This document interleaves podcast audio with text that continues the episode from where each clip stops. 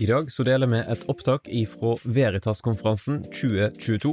Veritas-konferansen er i hovedsak et samarbeid mellom tre organisasjoner. NLA, Mediehøgskolen Gimlekollen, der Damaris Norge er en randsonevirksomhet, og laget NKSS og Bibelskolen i Grimstad.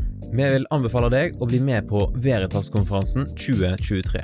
Den 20. til 22. oktober på Bibelskolen i Grimstad. I 2023 så vil hovedtemaet være Fornuft og fantasi arven etter CS Lewis.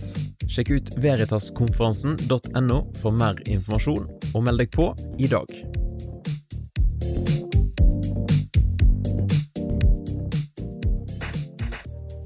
Kjekt å se at så mange valgte å komme hit, både kjente og ukjente ansikt. Som dere sikkert vet, så heter jeg Elias, og jeg gikk på hovedkullet her for to år siden. Eh, og I fjor så gikk jeg på linjen som heter Til tjeneste, der jeg var i praksis i Damaris Norge.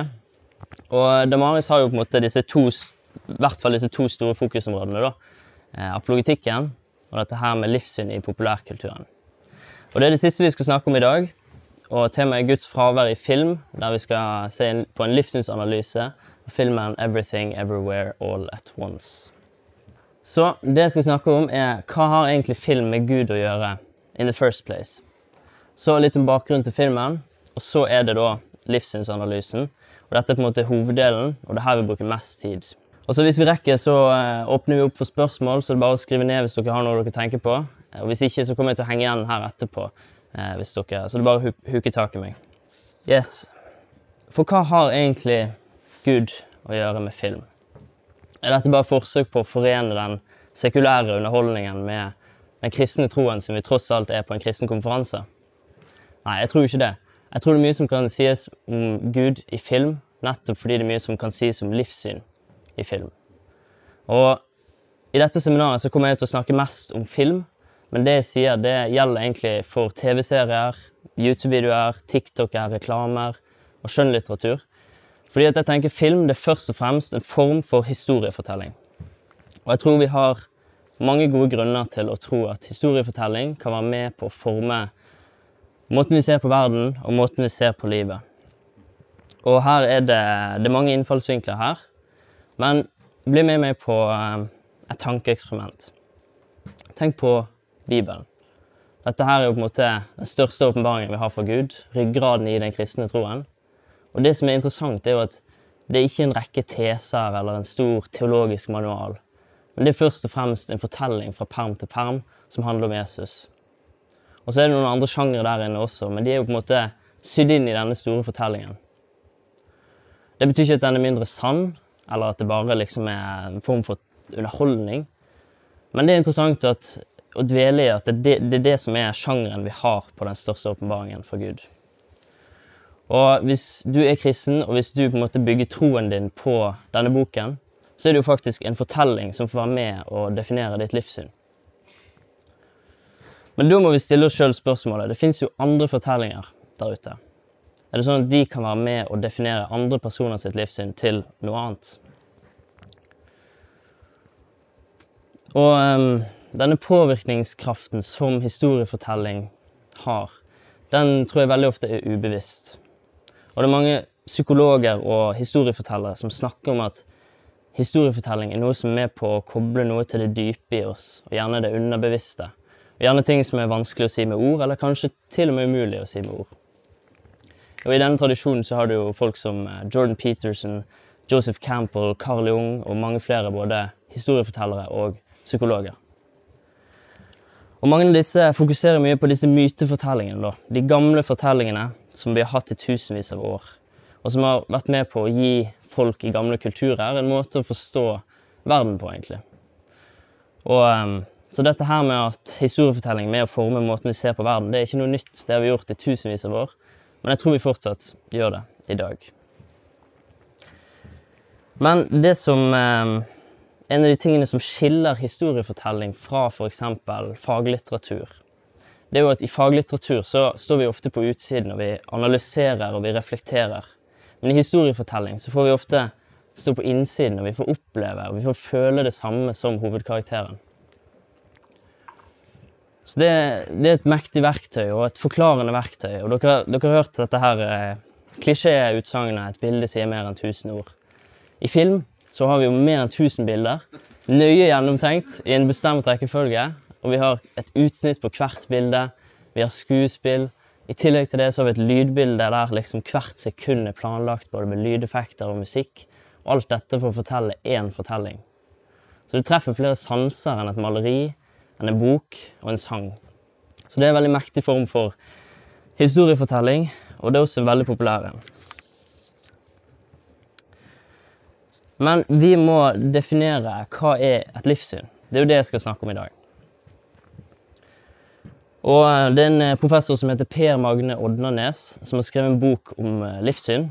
og Han definerer det som et kognitivt fenomen, altså bevisste tanker og ideer som representerer ulike oppfatninger og meninger om visse grunnleggende spørsmål rundt menneskelivet og tilværelsen. Litt lang setning, men det handler om disse svarene vi har på de grunnleggende spørsmålene til livet, og en måte å se på livet.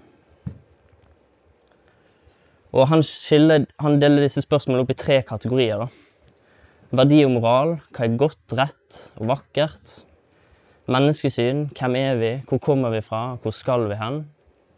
Sannhets- og virkelighetsoppfatning, hva er sant, hva er virkelig? Finnes Gud, eller gjør han ikke det? Og tanken er litt at alle mennesker har noen, en forståelse om hva som kan være svaret på noen av disse spørsmålene her. Og man kan si at alle mennesker har et livssyn. Noen mer gjennomtenkt enn andre, kanskje. Og det samme tror jeg gjelder for film og historiefortelling. Jeg tror det kommer noe livssyn til overflaten. Og eh, det er alltid noe som blir presentert som det sanne eller det gode eller det skjønne i en film.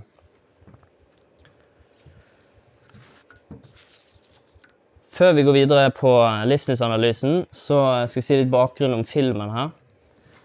'Everything Everywhere All At Once' det er en eh, komplisert film. Det er en film der veldig mye skjer. Den er veldig fargerik og det man kan kalle for maksimalistisk, altså det motsatte av minimalistisk.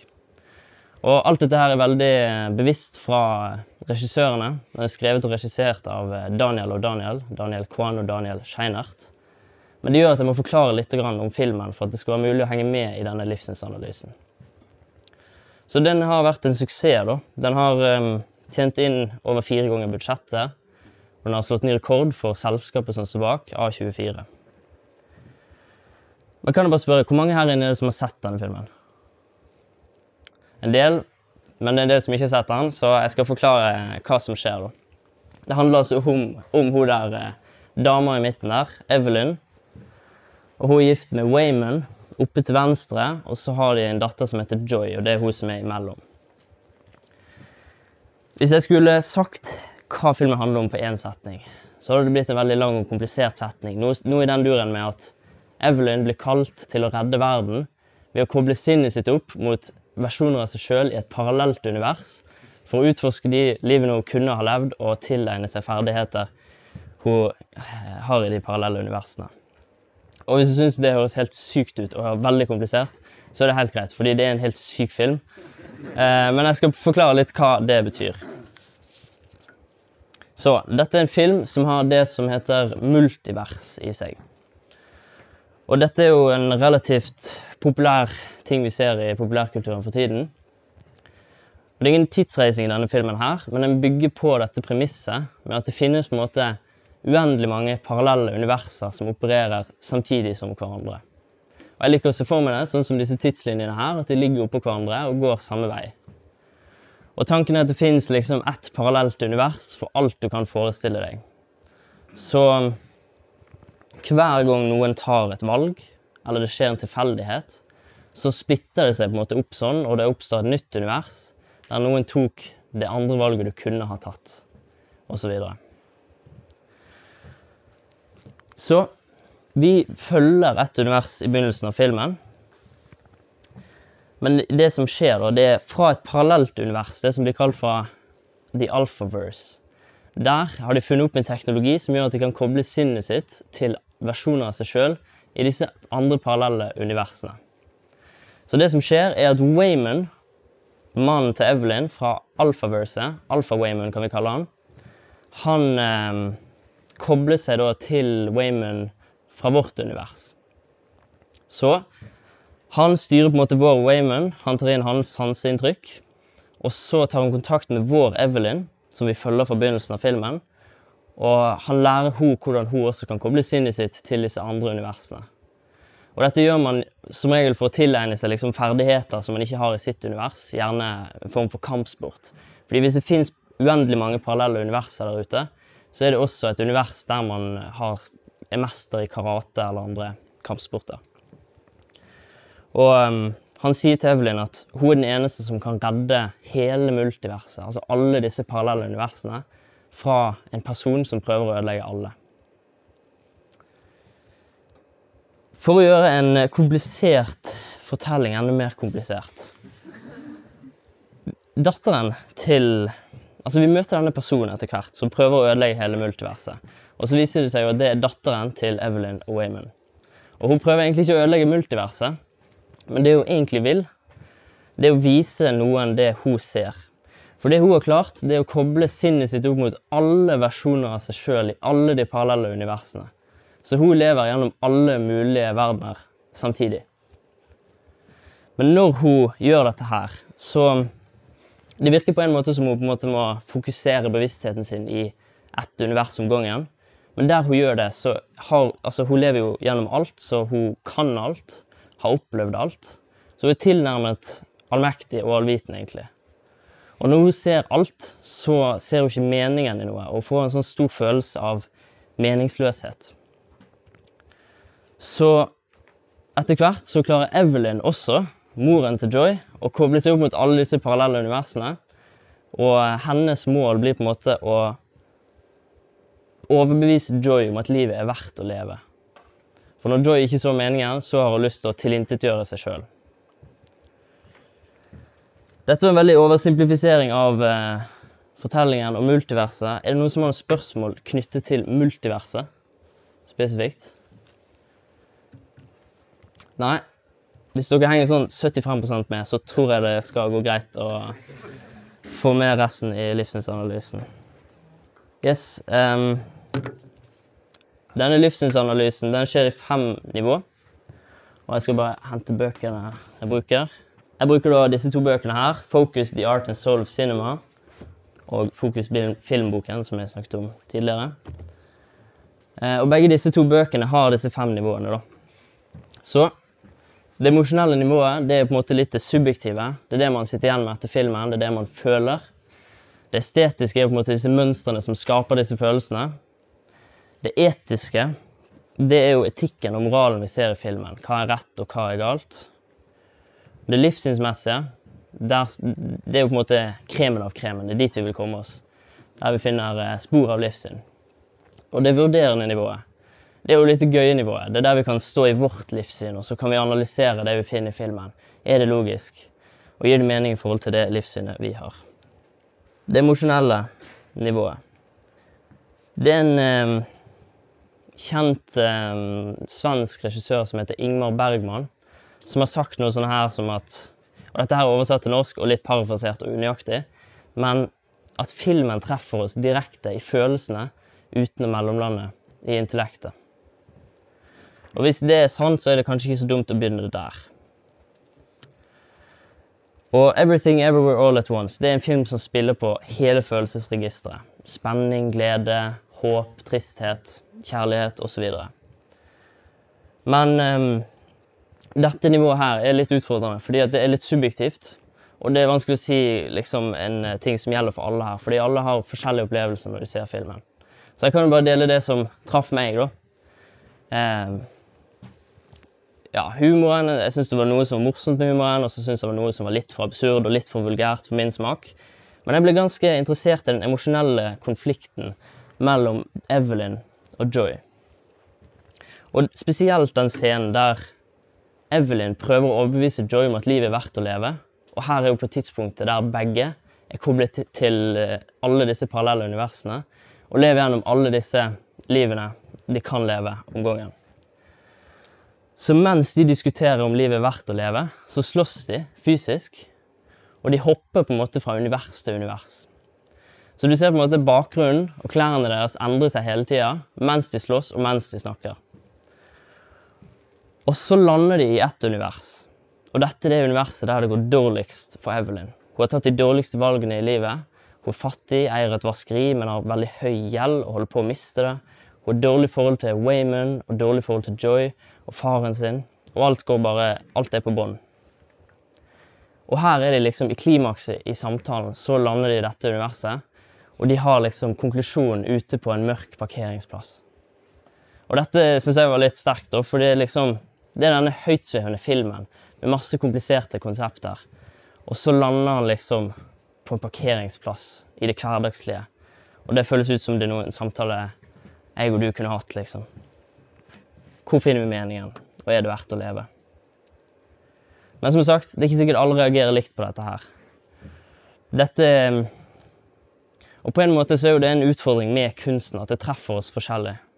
Og det er jo dette her spørsmålet og den debatten, den postmoderne tankegangen om at i møte med kunsten så finnes det bare personlige meninger, og er det bare alle tolkninger subjektive. Fins det ikke noe svar, fins det ingen mønster vi kan peke på. Og selv om jeg er vanskelig for å avkrefte det subjektive, så er jeg også vanskelig for å avkrefte at det fins noe mønster vi kan peke på. Jeg har ennå ikke møtt noen som syns solnedgangen er forferdelig stygg, eller automatisk avskyr det gylne snitt. Så disse mønstrene her er det vi skal snakke om i det estetiske nivået. Og um, ja, det som er litt interessant, det er at disse bøkene her, Focus Film og Focus The Art and Soul of Cinema, de har faktisk litt forskjellig rekkefølge på disse to første nivåene. I denne boken så er det um, det emosjonelle nivået som er først. Og i Focus The Art and Soul of Cinema da er det det estetiske nivået som er først. Og jeg kan se begge deler. Eh, altså Hvis det er følelsene den treffer oss først, så gir det mening å begynne der.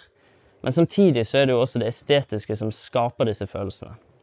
Og med en gang vi stiller spørsmålet hvorfor følte vi det vi følte, så beveger vi oss inn i dette nivået. Og Når jeg sier estetikk her, så bruker jeg det begrepet veldig bredt.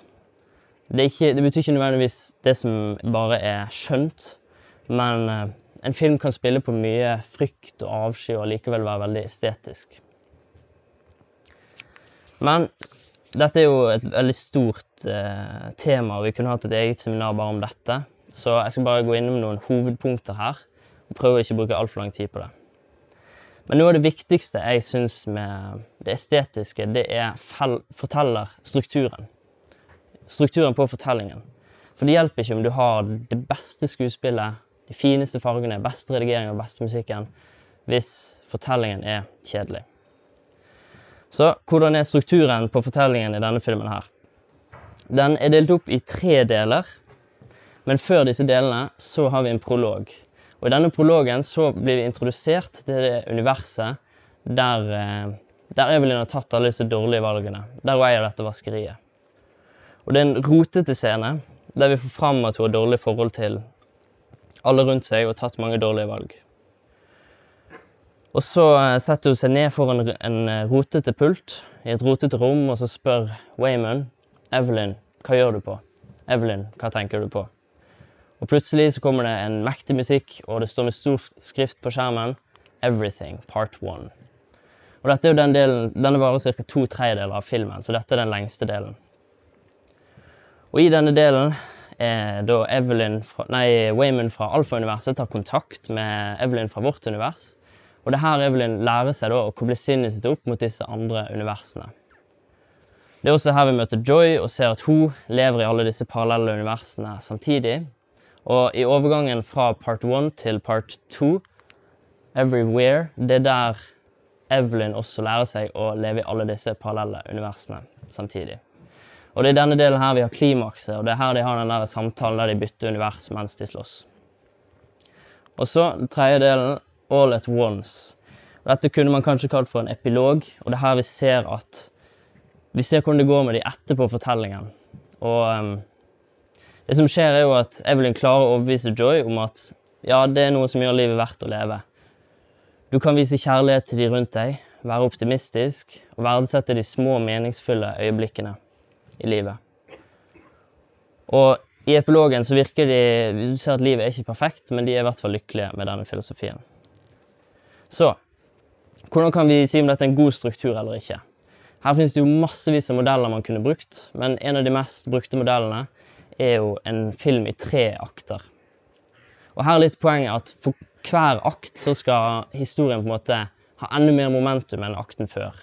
Og i overgangene mellom aktene så er tanken at det skal skje et eller annet game-changing. Og nivået skal opp på en ny fortelling, noe som kaster fortellingen inn i en ny retning. Så i forhold til hvor de vanligvis deler inn akter, ser det ca. sånn her ut. Og det passer egentlig ganske bra med denne filmen her. I overgangen mellom akt 1 og 2 er da Evelyn lærer seg å koble seg opp mot eh, andre versjoner av seg sjøl i andre univers for å få disse kampferdighetene. Og i overgangen mellom 2 til 3 er da hun lever, kobler seg opp til alle disse para parallelle universene samtidig. Så Vi kunne brukt mange forskjellige modeller her, men den passer, jeg har prøvd en annen også. Men det, det passer i hvert fall ganske bra. da. Den bruker en klassisk fortellerstruktur. Men det er mye annet man kunne sagt om det estetiske nivået. Det visuelle, lydbildet. Og som sagt kan ikke vi si alt i dag, det kunne vi hatt et eget seminar på. Men eh, altså, skuespillet er på topp, kamerateknikken er på topp, redigeringen er på topp. Den ser veldig fin ut, en fargerik film. Jeg blir ikke overraska hvis han vinner Oscar. Jeg blir heller overraska hvis han ikke blir nominert. Og eh, det som er imponerende, er at denne her ser ut som han har liksom åtte ganger mer budsjett enn han har, hvis du sammenligner med andre populære multiversfilmer for tiden. Men det mest imponerende er jo hvordan det estetiske komplementerer historiefortellingen. Og når jeg forteller dere om disse parallelle universene, så høres det sikkert veldig rart ut og veldig komplisert ut. Og dere sitter igjen som, sikkert som et spørsmålstegn. Men dere, for dere som har sett filmen, vet at dette her er veldig godt visuelt fortalt, og det er ikke så vanskelig å forstå i filmen. Men vi må videre til det etiske nivået. Hva er rett, og hva er galt i denne filmen her? Og til vanlig i en sånn livssynsanalyse som dette, så er jo det akkurat det vi vil finne ut av. Hva er det som løftes fram som den gode moralen? Men i denne filmen så er det egentlig enda mer interessant å snakke om moralen finnes i det hele tatt. De har litt forskjellig moralsk holdning til livet, disse tre karakterene. Evelyn, Wayman og Joy. Men vi følger jo Evelyn, og hun har en utvikling i sin karakter. Den ser ca. sånn her ut. I begynnelsen virker det som hun kanskje tror på en slags objektiv moral. Noe rett og noe galt. Hun følger regler. Og hun lever som en ganske vanlig person i Vesten. Ikke sikkert hun har tenkt så mye hvor det er forankret henne. Og så, når hun eh, på en måte blir opplyst, og når hun lever i alle disse parallelle universene på en gang, da forkaster hun denne objektive moralen, sånn som Joy har gjort. Og Hun blir enig med Joy og ser ikke noe rett eller galt i verden. Og Vi ser en sekvens der hun lever ut dette her. I et av universene så har hun litt støtende fest på en tale, og så går hun og knuser vinduet i vaskeriet uten grunn. I et annet univers samtidig så stikker hun Waymond med glasskår fordi hun kan. Det er ikke noe som sier at hun ikke burde gjøre det. Men etter hvert så blir hun egentlig overbevist over Wayman sin moralske holdning til livet. Og han mener at det som gjør livet tålelig å leve, det er å være snille mot de rundt seg og vise kjærlighet. Men det virker ikke som at dette her Det virker ikke som å begynne å tro på at det finnes en objektiv moral. Dette virker heller som en slags subjektiv ting hun har lyst til å gjøre. Når vi snakker om tro på moral, eller hva som er rett eller galt, så er jo moralen forankret i noe dypere, i et livssyn. Og det har dere sikkert hørt mye fra det moralske gudsargumentet. Hvor har du moralen fra? Og da beveger vi oss inn i neste nivå, det livssynsmessige. Kanskje du tenker at det er litt rart at jeg har brukt så lang tid på å komme til det livssynsmessige nivået i en livssynsanalyse. Men alt forarbeidet vi har gjort nå, det er viktig, og det henger sammen. Nå er vi ferdig med akt 1 og 2, og nå går vi inn i klimakset. Og um, det etiske, det er jo det er spor, Der kan vi finne spor av livssyn. Det er forankret til noe. Det estetiske er jo hvordan det blir formidlet. Og det emosjonelle handler om hvordan det treffer oss. Men hvis vi leter mellom linjene, så er jo kanskje det som blir kommunisert, eh, det er det livssynsmessige. Vi skal se på noen spor av livssyn i denne filmen. her. Og et bilde vi bruker Demaris mye, er dette isfjellet her, med fem nivå. Og det er ganske mye å ta, ta fatt i denne filmen her. På toppen så har vi observerbar livspraksis. Det er på en måte det vi ser, og det, eh, det er det karakterene gjør, og det de sier. Jeg ville kanskje skyte inn filmteknikk her, av og til kommunisere den litt mer enn det som blir sagt og gjort. Men poenget er at dette er det nivået vi tar inn med sansene våre. Og En mediekritiker som heter David Porter, har sagt «More is said than what is spoken». Mer blir fortalt enn det som blir sagt. Og Poenget er at gjennom dette nivået så får vi innblikk i nivåene under. Vi ser hva som er verdifullt, vi ser hvilket menneskesyn de har. Og dette her er forankret i noe enda dypere virkelighetsforståelse. Og til slutt tro. Hvorfor har de den virkelighetsforståelsen de har? Er det ja, forstått som tillit, forankring av mening? Er det fordi de har tillit til en gruppe vitenskapsmenn eller foreldrene sine, eller Bibelen eller intellektet? Man kunne kanskje snudd denne modellen på hodet, og så kunne man brukt en marionettedukke i stedet. Du ser denne dukken bevege seg, og så har han disse trådene over som styrer hvordan han beveger seg. Og selve dukken, dukken er jo på en måte observerbar livspraksis, men i trådene over så har vi verdier, menneskesyn, virkelighetsforståelse og tro. Og dere kjenner kanskje igjen disse tre i midten her. Verdier, menneskesyn og virkelighetsforståelse. Det var jo disse kategoriene for et livssyn. Livssynsspørsmål, som jeg så på i begynnelsen. Så når vi ser denne marionettedukken, så blir vi ofte revet med i fortellingen. Og vi ser bare et teaterstykke. Og så vet vi, hvis vi tenker oss litt om, at uh, det er noen tråder der som holder han oppe, og som styrer han. Og vi har kanskje litt lett for å glemme de av og til. Og det tror jeg det er med film også. Jeg tror vi Jeg tror vi vet Vi, vi får oppleve det, disse, disse, trådene her. Vi får oppleve filmen fra innsiden. Men vi må kanskje ta et steg ut for å se hva som egentlig blir kommunisert. Og på en måte så kunne vi utvida litt det der sitatet jeg sa i stad med filmen treffer oss direkte i følelsene uten å mellomlande i intellektet. Kanskje vi kunne sagt filmen treffer oss direkte i verdier, menneskesyn, virkelighetsforståelse, uten mellomlandet, i intellektet. Så Poenget her er at isfjellet det finner ikke opp noe nytt, og vi skal ikke overtolke produktet heller, men det henter fram det som allerede ligger der. Så vi skal se eksempel fra filmen. Og da skal, vi begynne, da skal vi finne noe i det observerbare livspraksisen. Og jeg vil egentlig begynne her med et symbol som dukker opp mye i filmen, og det er sirkler.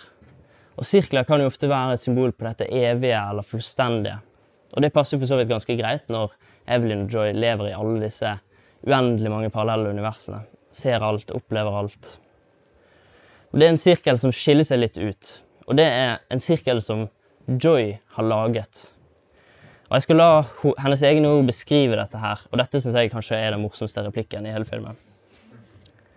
Jeg kjedet meg en dag, så jeg puttet alt på en bagel. Alt. Alle mine håp og drømmer, de gamle skolekarakterene, hver hund som finnes, hver annonse på Craigslist, sesam, valmue, frø, salt. Og det raste sammen og kollapset, for når du putter alt på en bagel, da blir det dette sannheten. Ingenting betyr noe. Nothing matters, sier hun. Så når hun ser alt, så ser hun ikke meningen i noe. Hun har opplevd alt, kan alt, og sitter igjen med ingenting. Det er ikke rom for verdier eller at mennesket har en spesiell plass i tilværelsen. Det blir også snakket om i denne filmen at for hver vitenskapelige oppdagelse som vi finner opp, så finner vi ut at mennesket er enda mindre enn det det er. Vi er ikke sentrum i universet. Vi er bare små, lit, liten samling av atomer på en liten planet, på en liten galakse, i en stort univers. Så mennesket er bare natur. Det virker ikke som denne filmen har rom for noe mer enn det vi kan sanse og observere, det som kalles for naturalismen. Men ingen verdi, og jeg var inne på moral tidligere. Dere skjønner sikkert fort at dette, her handler om nihilisme. Og hvordan definerer man nihilisme?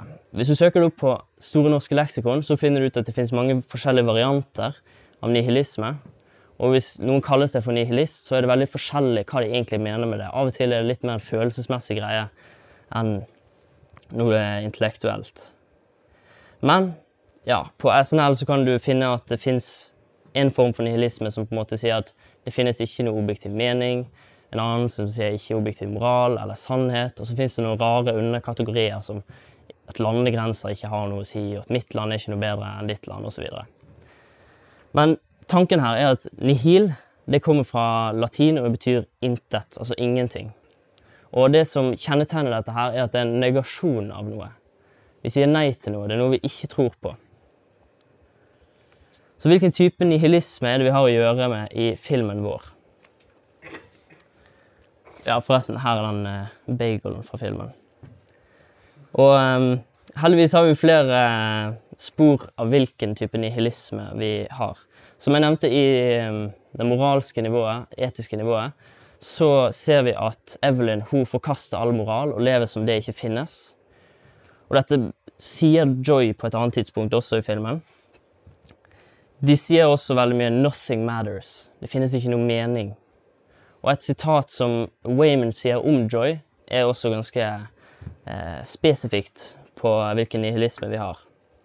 Han sier om Joy nå har hun sett for mye. Hun har mistet all tro på moral, all tro på objektiv sannhet.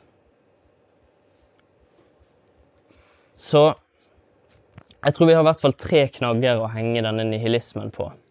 En tro på at det ikke finnes objektiv moral, objektiv mening og sannhet.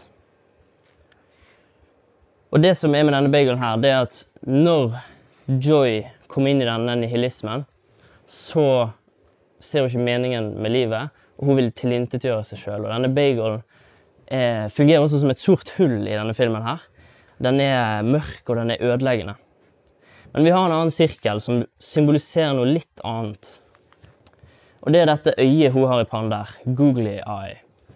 Og eh, det som er greia her, er at Wayman han, eh, Øyet dukker først opp i begynnelsen av filmen.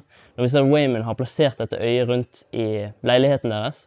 Sikkert for å spre litt glede, og sikkert for å leve ut hans holdning til livet. Være snill og ja, få et smil fram hos de rundt seg. Men eh, på et tidspunkt i filmen, så når Evelyn akkurat har begynt å ta inn over seg Wayman sin holdning til livet, at det er best å vise kjærlighet til de rundt seg og være snill, så tar hun et sånt øye og fester det i pannen sin. Og det kan jo være et symbol på det tredje øyet, at hun er opplyst om den egentlige holdningen til livet. Men som jeg sa, det virker ikke som hun har begynt å tro på objektiv moral, eller objektiv mening og objektiv sannhet. Så det virker som dette er på et subjektivt nivå. Så det som skiller Evelyn sin nihilisme, denne googly-eyen, det er fra bagelen, det er at um, Evelyn mener det som positivt. Og hun vil ikke nødvendigvis ta sitt eget liv. Men hun sier Nothing matters. We can do whatever we want. Ingenting har noe å si. Vi kan gjøre hva som helst. Og det er ment som noe positivt. Hun trenger ikke å tenke på alle skuffelsene hun har opplevd, eller dårlige karakterene eller dårlige valgene hun har tatt. Det er som om verden er en sandkasse som vi kan gjøre hva vi vil i.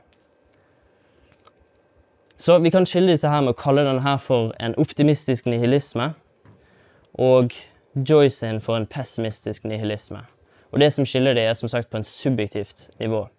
Og de som har fått veldig godt med nå, eller de som har sett breakdowns av dette her på nettet, vet at um, når dere ser på den sirkelen hun har i pannen sin, så er det en hvit sirkel med noe svart inni. Men bagel den er motsatt. Den er svart rundt med hvit inni. Så det er en inversjon på en måte av Joy sin nihilisme. Vi skal vurdere denne filmen her. Og her må vi apologetisk til verks. Er nihilismen logisk? La oss se litt på nihilismen vi har å gjøre med her. Det finnes ikke objektiv sannhet, moral eller mening. La oss begynne med sannhet.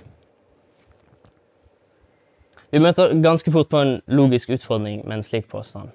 Det finnes ikke objektiv sannhet. Den påstanden er jo en sannhetspåstand. Dere ser sikkert sirkellogikken her. For at påstanden skal være sann, så må han også være feil. Hvis han er sann, så han slår seg sjøl i hjel. Og nihilisten sager av greinen han sitter på. Altså, sannhet må finnes for å kunne påstå at han ikke finnes. La oss se på moralen. De fleste mener at um, noe er rett og galt. Og um, kanskje det går an å ikke tro på objektiv moral, men det får store konsekvenser. Det betyr at Hitler har ikke gjort noe galt. Det betyr at det ikke er galt å torturere eller drepe barn. Men noen sier, og dette kommer fram i Joyce holdning til um, moralen i filmen, at lover og regler, når man sier at man burde og har lov til noe, da henviser man bare til sosiale konstruksjoner.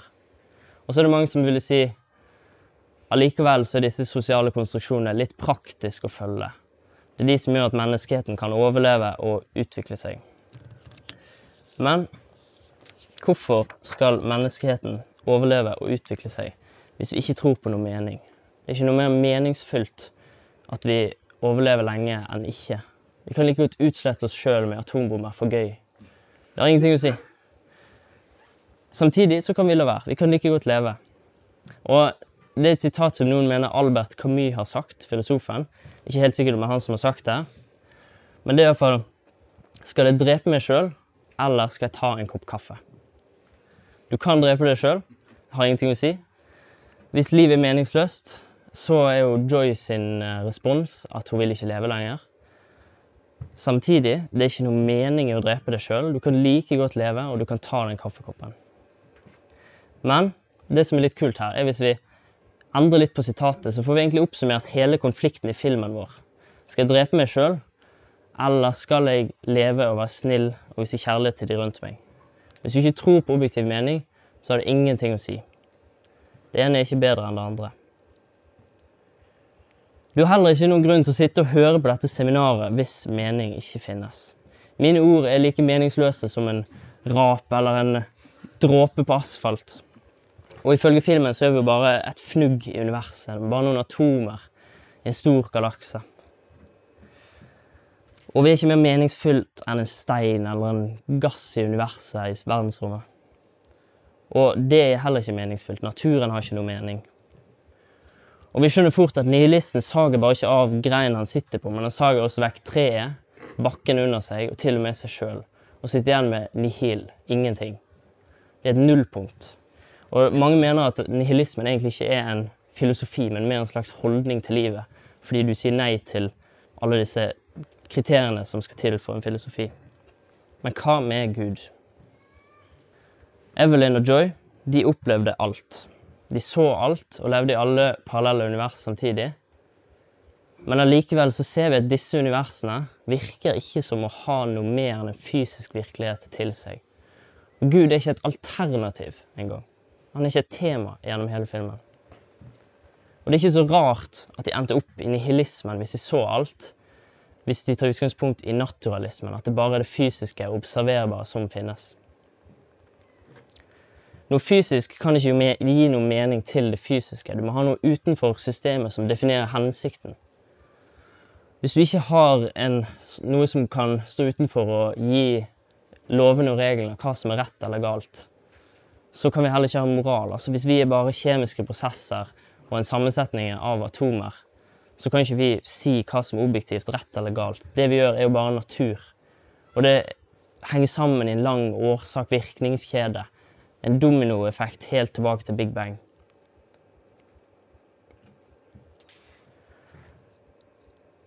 Hvis du ikke har Hvis du tror at det fysiske er det eneste som finnes, hvordan kan du da ha rom for en abstrakt konsept som sannhet? Og det virker jo her som at for at påstanden det er bare det fysiske som finnes, skal være sann, så må du akseptere at det også finnes sannhet. Når jeg forberedte dette seminaret, så hørte jeg tilfeldigvis et sitat fra en lydbok av en teolog som heter Carl Rainer. Og Han sa noe som jeg syntes var litt kult. Han sa In the torment of the insufficiency of everything attainable, we come to understand that here in this life all symphonies remain unfinished. Og Vi har nettopp analysert en fortelling der noen opplever alt og får alt og ser alt. Og Allikevel så er ikke det nok. Om noe så ser de bare mer hvor meningsløs eksistensen er innenfor den fysiske rammen. Det fysiske er ikke nok. I denne verden er alle symfonier uferdige. Filmen presenterer jo denne pessimistiske nihilismen som problemet, den store, stygge ulven, Og så kommer den optimistiske nihilismen som løsningen. Verden er vår sandkasse, vi kan gjøre det vi vil. Det har ikke noe å si. Og jeg er på langt nær enig, men ikke helt. Og når jeg og min kone så denne filmen på kino for første gang, så kjenner vi liksom tårene presser, oss seg fram. Eh, vi kjenner det emosjonelt. Det er en veldig estetisk fortelling som er veldig godt fortalt. Og kjærlighet er jo en ordentlig god ting. Jeg får oppleve fortellingen fra innsiden, og den treffer rett i livssynet uten å mellomlande i intellektet. Men hvis jeg tar det steget ut, og står på utsiden og analyserer og reflekterer, så ser jeg at jeg tror ikke det helt holder vann, og jeg er ikke enig. Augustin han sier You have made us for yourself, O Lord, and our hearts are restless until they find rest in you. Jeg tror det sanne og det gode og det skjønne svaret finnes i Gud, utenfor det fysiske. Jeg tror vi kristne har et bedre svar og en bedre fortelling å komme med. Kanskje vi trenger å bli flinkere på å fortelle den.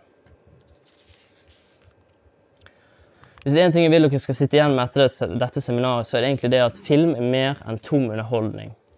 Og ingen filmer er nøytrale. Det ligger noe livssyn der, noen mer tydelig enn andre. Men ikke se mindre film av den grunn. Se mer film. Men vær bevisst på det. Snakk med folk og reflekter rundt det. En som heter John Stott, han har dette begrepet double listening. At du skal høre på verden og på Bibelen. The word and the world. Og Har du lyst til å bli mer bevisst på dette her, og trenger noe verktøy, så kan jeg anbefale Fokusbøkene. Det er også et studie på NLA i Gimlekolen som heter Kommunikasjon og livssyn. Der det er noen, eh, som Bjørn snakket om, der det er noen eh, emner som går mer inn på livssyn i populærkulturen. Jeg tok det i fjor, og det var veldig bra. Hva er klokken nå, egentlig? Ja, dere er sikkert sultne. Så jeg tror jeg gir meg der. Og så, eh, hvis dere har noen spørsmål, så kommer jeg som sagt til å henge igjen her eh, og mingle litt. Men selv om eh, dere ikke rekker å stille meg spørsmål, så vil egentlig jeg stille dere noen spørsmål. Hva sitter du igjen med etter seminaret? Hva tror du er konsekvensen av at Gud ofte er helt fraværende fra moderne filmer? Hvilke spor av livssyn finner du i den siste filmen du har sett? Ta bilde eller skriv det ned, og ja, tenk over dette her. Det var egentlig det jeg hadde, så takk for meg.